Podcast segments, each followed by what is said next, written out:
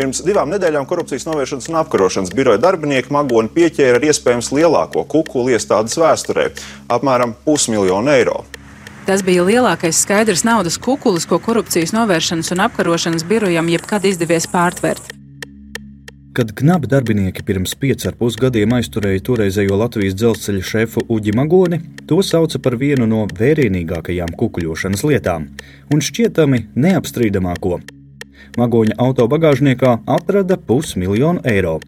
Turklāt Igaunijas drošības policija neilgi pirms tam bija uzfilmējusi, kā kukuli iedod.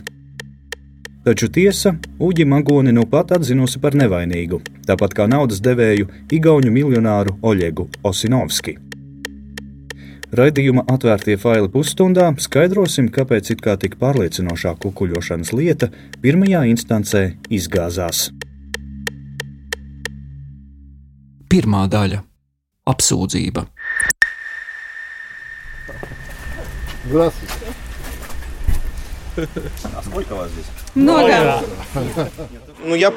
Esmu pēc viņa noilgojies. Esmu divus gadus redzējis, divus gadus nevarēju ar viņu sarunāties. Pirmoreiz satiku tiesas zālē. Viņš ir ļoti izmainījies pa šo laiku. Žēl. Mēs principā ar viņu bijām draugi. Igaunijas uzņēmējs Oļegs Osinovskis uz tiesu Limbažos ieradās ar glaunu zilas krāsas Mercedes automašīnu. Atšķirībā no Uģa Magoņa, Osinovskis ar žurnālistiem labprāt tērzēja. Tā bija pirmā prāvas diena, kurā pēc ilgāka pārtraukuma abi atkal viens otru redzēja vaigā. Kopš izmeklēšanas sākuma Osinovskim un Magonim tikties bija aizliegts. Satikšanās tiesas zālē ar nērtajiem koku soliem gan, protams, nav pielīdzināma abu draugu agrākajām kopā būšanas reizēm. Piemēram, balē Rundāles pilī, kur Magonis kopā ar Rosinovski un citiem prominentiem viesiem nosvinēja savu 50. jubileju.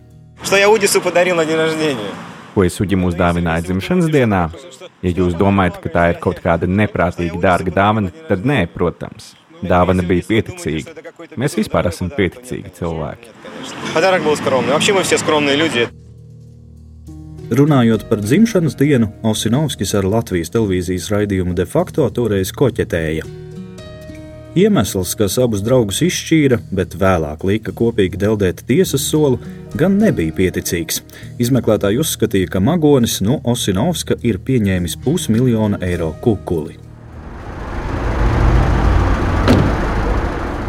Tas notika 2015. gada 6. augustā, brīvdienā. Magonis un Osinovskis satikās ceļmalā Igaunijā.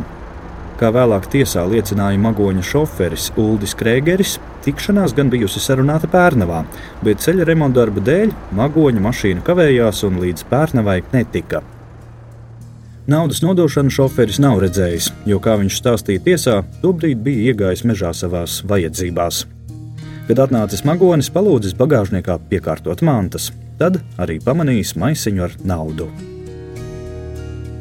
Kā papīra maisiņš no Osinovska mašīnas nonāca Magoņa dienesta auto Audi A8 bagāžniekā, gan fiksēja Igaunijas drošības dienests Kapo. To viņi darīja knabu uzdevumā. Latvijas korupcijas apkarotājiem bija informācija par iespējamām nelikumībām, tāpēc viņi noklausījās Magoņa sarunas un zināja par abu tikšanos.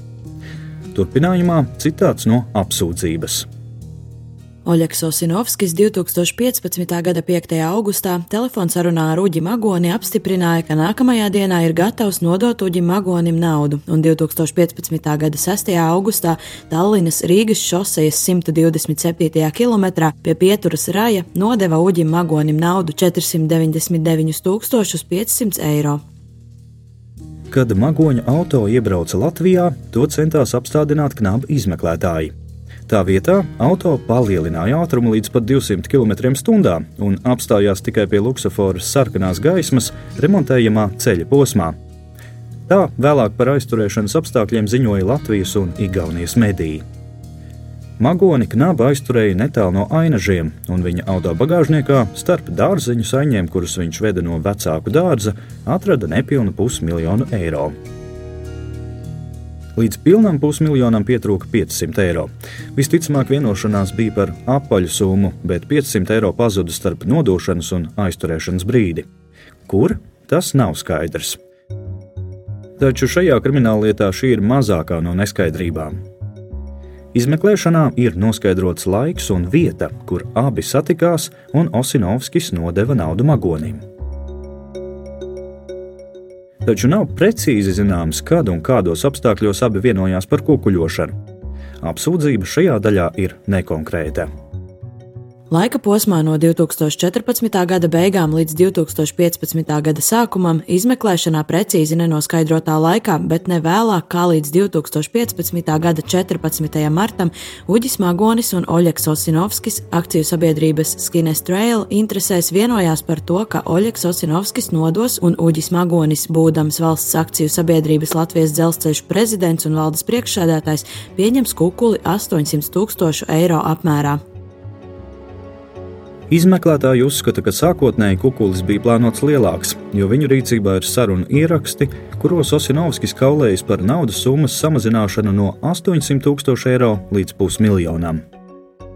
Pie šī sarunu ieraksta vēl atgriezīsimies.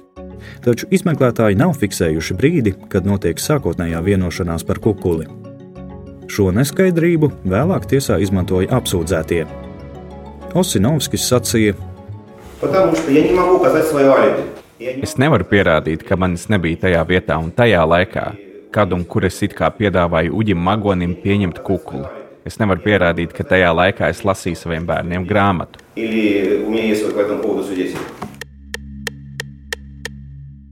Otrā daļa - motīvs. Jebkurā noziegumā ir svarīgs tā motīvs. Turpinājumā fragments no agrākas sarunas ar Magoņa lietas prokurori Evitu Masuli. Varat izstāstīt, varbūt, par ko tad abus divus šos cilvēkus, nu, tādā saprotamā valodā apsūdz? Tātad Uģim Magonim ir celta apsūdzība pēc krimināla likuma pānta, kas nosaktu par kukuļu pieņemšanu 499 500 eiro apmērā. Oļegs Osinovskis tiek apsūdzēts par kukuļu piedāvājumu izteikšanu un par kukuļu nodošanu. Kas bija šim kukuļa saņēmējiem jāizdara? Tas ir saistīts ar uh, SIA Latvijas dzelzceļa ritošā sastāvā servisa uh, veikto iepirkumu attiecībā par uh, Igaunijā reģistrētā uzņēmuma atcīgas sabiedrības Kinestrēla īpašumā esošo dīzeļu lokomotīvu iegādi lai šis iepirkums tiktu labēlīgi, labēlīgs Igaunijas uzņēmumam. Oļegs Osinovskis ir viens no Igaunijas turīgākajiem uzņēmējiem. Osinovska bizness ir saistīts ar dzelzceļu.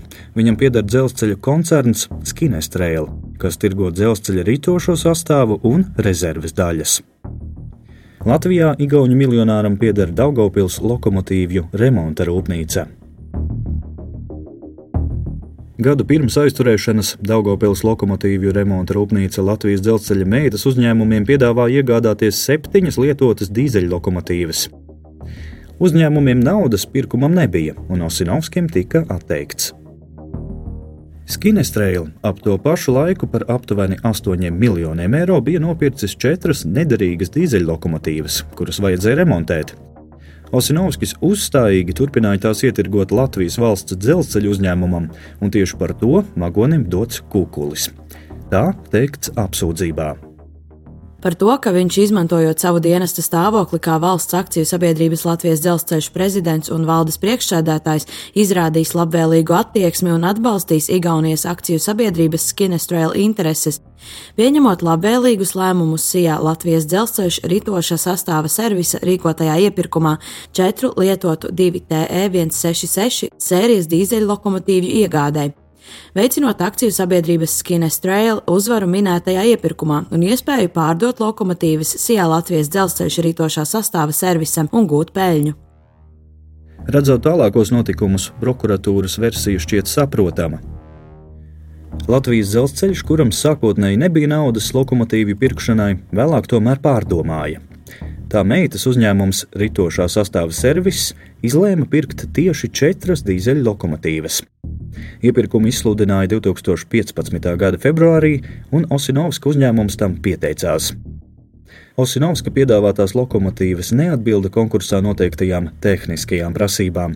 Tomēr vasaras sākumā iepirkuma komisija saruna procedūrā vienojās, ka Skinestrēla lokomotīvas salabos un cenu samazinās. Latvijas dzelzceļa vadība nolēma mainīt budžetu un ieplānoja naudu lokomotīvu iegādēji. Dienu pēc budžeta grozīšanas ritošā sastāva servis parakstīja līgumu ar Skinestrēlu. Prokuratūra te saskata kukuļa motīvu.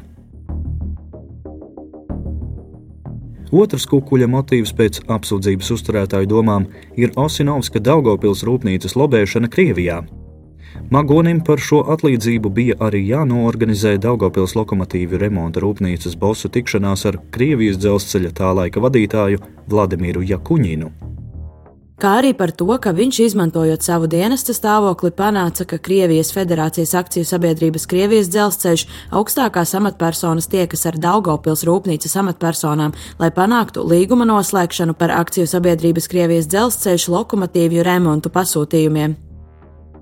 Kā sadalījās kukuļa summa un kāpēc maksāta tieši tik liela nauda, īsti nav skaidrs. Prokurore Masule saka, Par to es nezinu.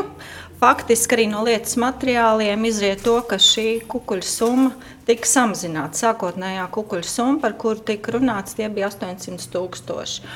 Un no sarunām izriet to, ka šī summa ir bijusi piesaistīta attiecīgajam lokomotīvu skaitam un tās Osinovskim izdevās pārdot. Līgums ir noslēgts un lokomotīvs ir piegādāts.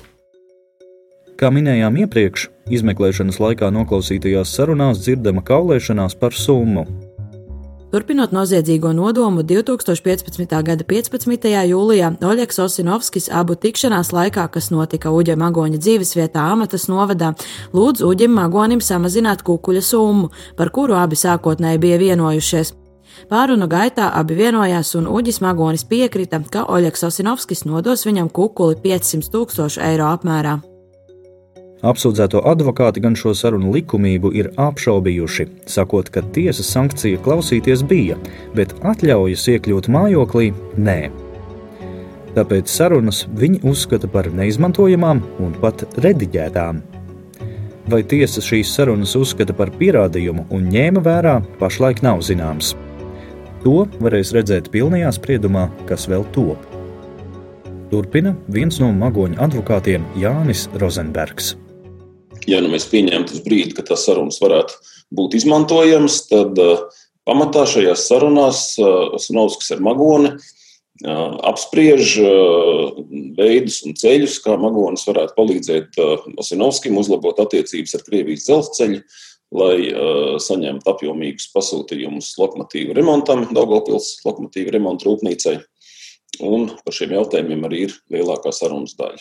Viņi vispār nav runājuši par lokomotīvu iepirkumu. Šķiet, kādā no sarunām Osinovskis žēlojās Magonim, ka tie meitas uzņēmums, viņam tur griežot rokas ārā par cenām un vēl kaut ko, un Magonis uzklausīja, nu varēja saprast, ka Dosinovskis viņu drīzāk informē par to, kā viņam tur klājās, bet tas arī ir tur dažos teikumos, un pārējais apspriežamais jautājums ir par sadarbību ar Krieviju. Tomēr lietas materiālos ir arī saruna par iepirkumu. Kā tiesas sēdē atstāstīja prokurore, Osinovskis tajā interesējies, cik konkrēts būs konkurss. Ko piesējies, atcirtis magonis. Konkurss būšot universāls, vienam uzrakstīt nevar. Tikmēr magoņa aizstāvis Rozenbergs norāda, prokuratūras versiju par to, ka magonis organizējis Osinovska veco lokomotīvu iepirkumu, nav apstiprinājis neviens liecinieks. Visi, kas bija saistīti ar šo iepirkumu procedūru, tātad pirmkārt iepirkumu jau neveica Latvijas dzelzceļš, bet veids Latvijas dzelzceļa meitas kompānija, kurai ir sava valde, sava iepirkuma komisija. Tātad gan šī Latvijas dzelzceļa meitas kompānijas, kas ir rītošā sastāvā servis, gan valdes locekļi, gan iepirkuma komisijas locekļi, visi kā viens apliecināja, ka ar Magonu viņiem nekādas sarunas par šo iepirkumu nav bijis. Patiesi, magoņu bijušie kolēģi visi kā viens liecināja, ka Latvijas dzelzceļa šefs nekādi nav varējis ietekmēt iepirkuma rezultātus lai gan tieši viņš akceptēja rezultātu. Šo apstākļu dēļ apsūdzētie no sākta gala uztur versiju, ka nauda magonim dota nevis kā Latvijas valsts amatpersonai, bet privātpersonai. lai viņš izmantotu savus sakarus Krievijas dzelzceļā un palīdzētu Osinovskim kārtot biznesu tur. Tādā gadījumā Magonim nevar pārmest kukuļņemšanu. Tiesa, tad nav skaidrs, kāpēc šo darījumu abi nenoformēja ar līgumu un oficiālu bankas pārskaitījumu. Osinovskis tiesā sacīja, ka tieši Magonis vēlējies atlīdzību saņemt skaidrā naudā. Magonis šo vēlmi nav komentējis. Nebūs atbildes. Magoņa advokāts Jānis Rozenbergs atzīst, ka skaidrs naudas ņemšana bijusi muļķība. Nu, tur iespējams, ka viņiem nedaudz viedokļi atšķirās, kurš no pirmais bija piedāvājis skaidrā naudā vai kurš tur bija pieprasījis skaidrā naudā. Es varu piekrist, ka ir nedaudz dīvaini gan šis norēķina veids, un ir pareizi jautājumi par to, vai bija vai nebija jā, jāreģistrējās ieņēmuma dienestā. Bet pats Magonis ir atzinis, ka tā bija kļūda, ka viņam vajadzēs slēgt līgumu vai kaut ko tādu darīt. Nē, nu, protams, katram ir skaidrs, un arī, arī droši vien Uģim Magonim, ka valsts amatpersonai tas pilnīgi noteikti nav nu, teiksim, tā, labais tonis pieņemt pusmiljonu skaidrā naudā un braukāt ar pusmiljonu bagažniekā apkārt. Protams, ka ja tas viss būtu noformēts ar, ar rakstveidu līgumu, un ja šī summa būtu saņemta ar pārskaitījumu, tad šaubu ēnu vai aizdomu ēnu par šo darījumu, protams, būtu daudz mazāka vai pilnīgi citādāka. Uzturot versiju par Osinovska interešu lobēšanu Krievijā, apsūdzētie uzsver Magoņa labās privātās attiecības ar toreizējo Krievijas dzelzceļa šefu Jakuņinu. Par abu ciešo saiti uzskata Magoņa dzīves biedri Anastasiju.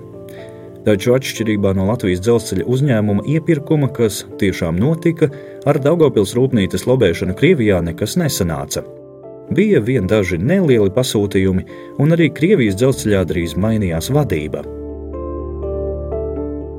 Kamēr nav pilnā tiesas sprieduma, prokuratūra atsakās no detalizētiem komentāriem. Līdz ar to nav skaidri zināms, kādi apsvērumi apsūdzības uzturētājiem tomēr ļāva kukuli saistīt ar Latvijas dzelzceļa lokomotīvu iepirkumu. Pēc saīsinātā sprieduma pasludināšanas prokurori Masuli uzsvēra, ka magoņa rīcība, pieņemot naudu un atbalstot iepirkumu, liecina par korupciju. Viņš ir piekritis kā padomus loceklis, balsojot par to, ka ritošā sastāvā servisam tiek atļauts slēgt līgumu par attiecīgo lokomotīvu iegādi. Pēc tam, kad jau šis iepirkums bija noslēdzies, tika pieņemts lēmums par uzvarētāju pasludināšanu. Ja nauda bija domāta tikai lobbyam Krievijā, tad īsti nav izskaidrojuma citam skandālam, Bijušais knabu operatīvo izstrāžu nodaļas vadītājs Juris Jurašs, kurš tagad kļuvis par politiķi, savulaik medijiem izstāstīja, ka saņēmis 1 miljonu eiro kukuļu piedāvājumu, lai magoņa lietu no kukuļošanas pārkvalificētu uz tirgošanos ar ietekmi, par ko sots ir mazāks. Tolaik knabu vadīja Jaroslavs Streļčēnoks. Biroja plosīja konflikti, un Jurašs pauda neizpratni, kāpēc kukuļu piedāvājumu neizmeklē. Šī publiskā atklāsme pašam Jurašam vēlāk maksāja kriminālu lietu par valsts noslēpumu izpaušanu, jo prokuratūra uzskatīja, ka Jurašs tādajādi izjaucis izmeklēšanu. Lieta joprojām tiek izskatīta tiesā. Trešā daļa - tiesa.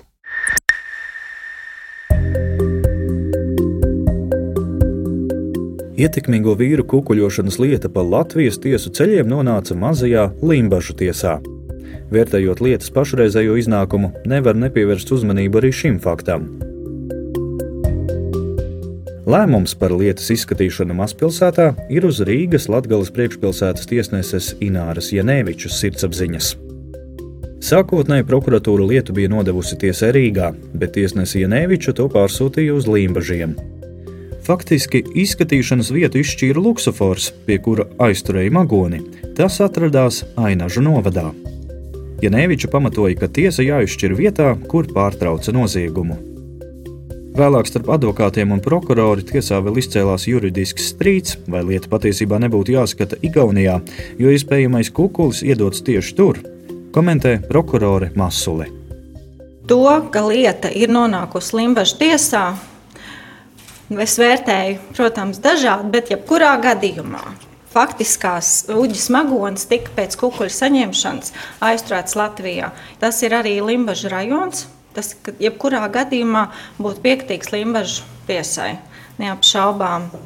Mani argumenti, kādēļ es uh, sūtīju sākotnēji, tiesu uz Latvijas priekšpilsētas tiesu. Tas ir saistīts ar liecinošo personu ierašanos. Būtu ērtāk un vieglāk ierasties uz tiesu Rīgā. Limbažos pusmiljonu darījumu izvērtēt atdeva tiesnesim Kārlim Jansonam. Arī šīs fakts ir uzmanības vērts. Pirms tam Jansons bija kļuvis bēdīgi slavens ar to, ka attaisnoja reibumā braukušo ādažu pašvaldības policisti Andu Veipu par spīti acīm redzamām liecībām, ka sieviete bija sadzērusies. Lielākoties savā tiesneša praksē Jansons bija skatījis lietas, kuras saistītas ar nelielām zādzībām, narkotikām un to, ka magoņa lietā tiesnesis mulst, nebija iespējams noslēpt arī tiesas zālē. Apsūdzēto advokāti tiesnesim teica priekšā, ko darīt. Tas ir cirks, būtu smieklīgi, ja nebūtu traģiski. Magoņa advokāts Varis Klotiņš jau kuro reizi tiesnesim Jansonam pamāca, kas tiesas sēdē darāms. Tā Twitterī 2018. gada janvārī ierakstīja TV3 ziņu žurnāliste Monta Jakovela.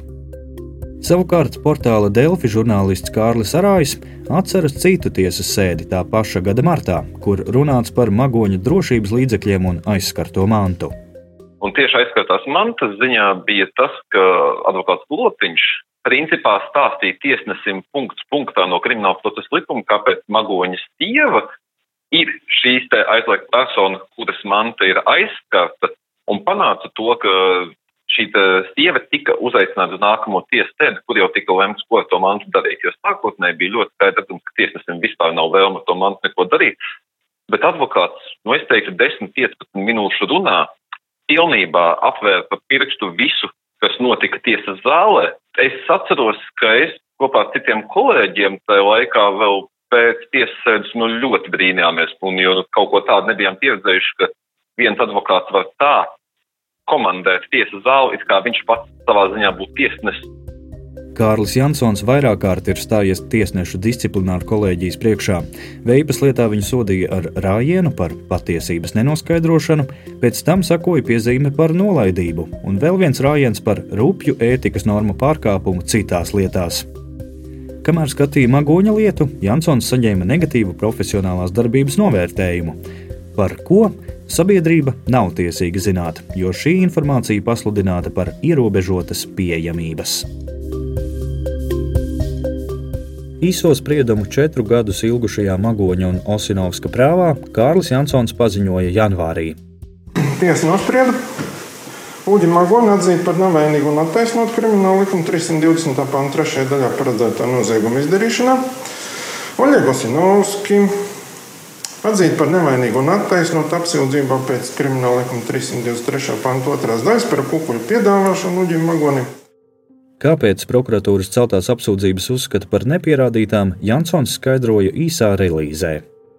Attiecībā uz četru lokomotīvu iepirkuma faktu tiesa uzskatīja, ka nav pierādīts, ka Magonis pats būtu pieņēmis lēmumu par to iepirkšanu vai veicis aktīvas darbības, lai SIA Latvijas dzelzceļa ritošā sastāva serviss izlemtu šo darījumu veikt. Magonim kā Latvijas dzelzceļa prezidentam nebija pamata neakceptēt pieņemto lēmumu par lokomotīvu iepirkšanu.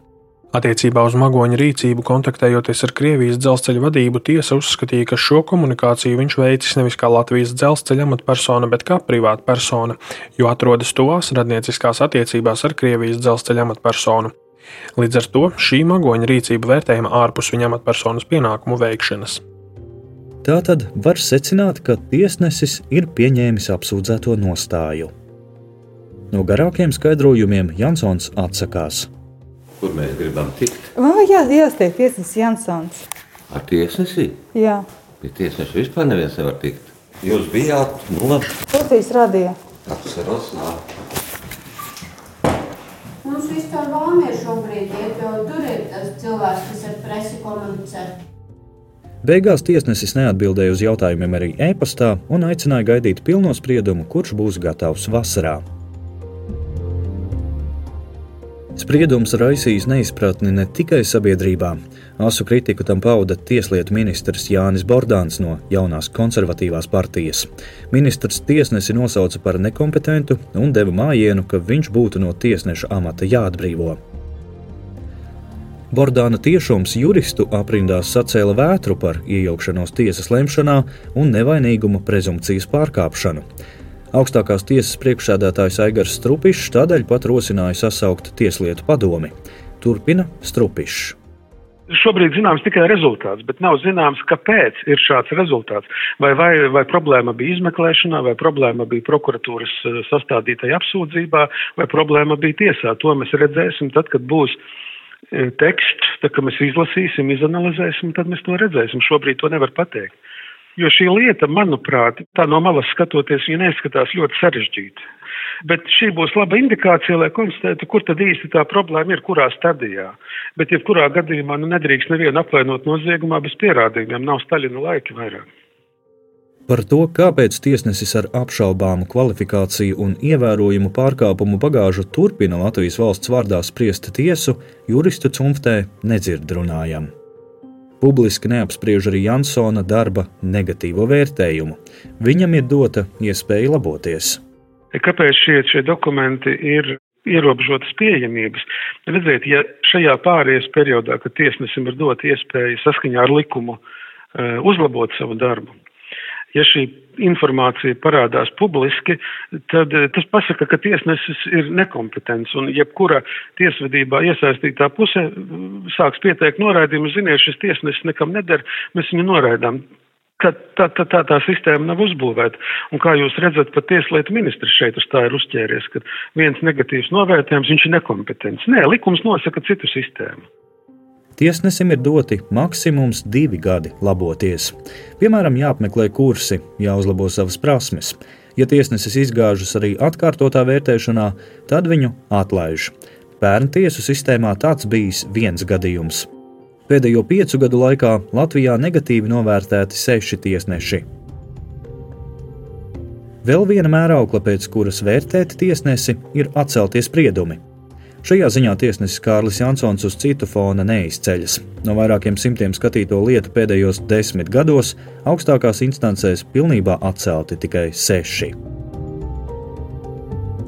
Pamatu runāt par tiesu reputāciju augstākās tiesas priekšsēdētājs Aigars Strupišs neredz. Viņš vērš uzmanību uz aptaujām, kas rāda, tiesām cilvēki uzticas divreiz vairāk nekā valdībai un parlamentām. Jautājums ir, vai tas tiesu zemēs prestižs ir tiešām tiesu pašu nopelnīts, vai tas ir tas radītais imičs, ko rada šādi paziņojumi. Jo, ja tu atkārto visu laiku vienu un to pašu, ka visi korumpēti, visi korumpēti, vienā brīdī arī publika noticis. To, vai Jansonu atkārtotā kvalifikācijas pārbaudē kolēģi novērtēs pozitīvi, uzzināsim šogad augustā. Līdz tam viņam jāuzraksta detalizēts pamatojums, kāpēc attaisnoja Magoni un Osinovski. Vai šis spriedums stāsies spēkā, zināsim vēl vēlāk, kad savu vārdu būs teikusi apelācijas tiesa.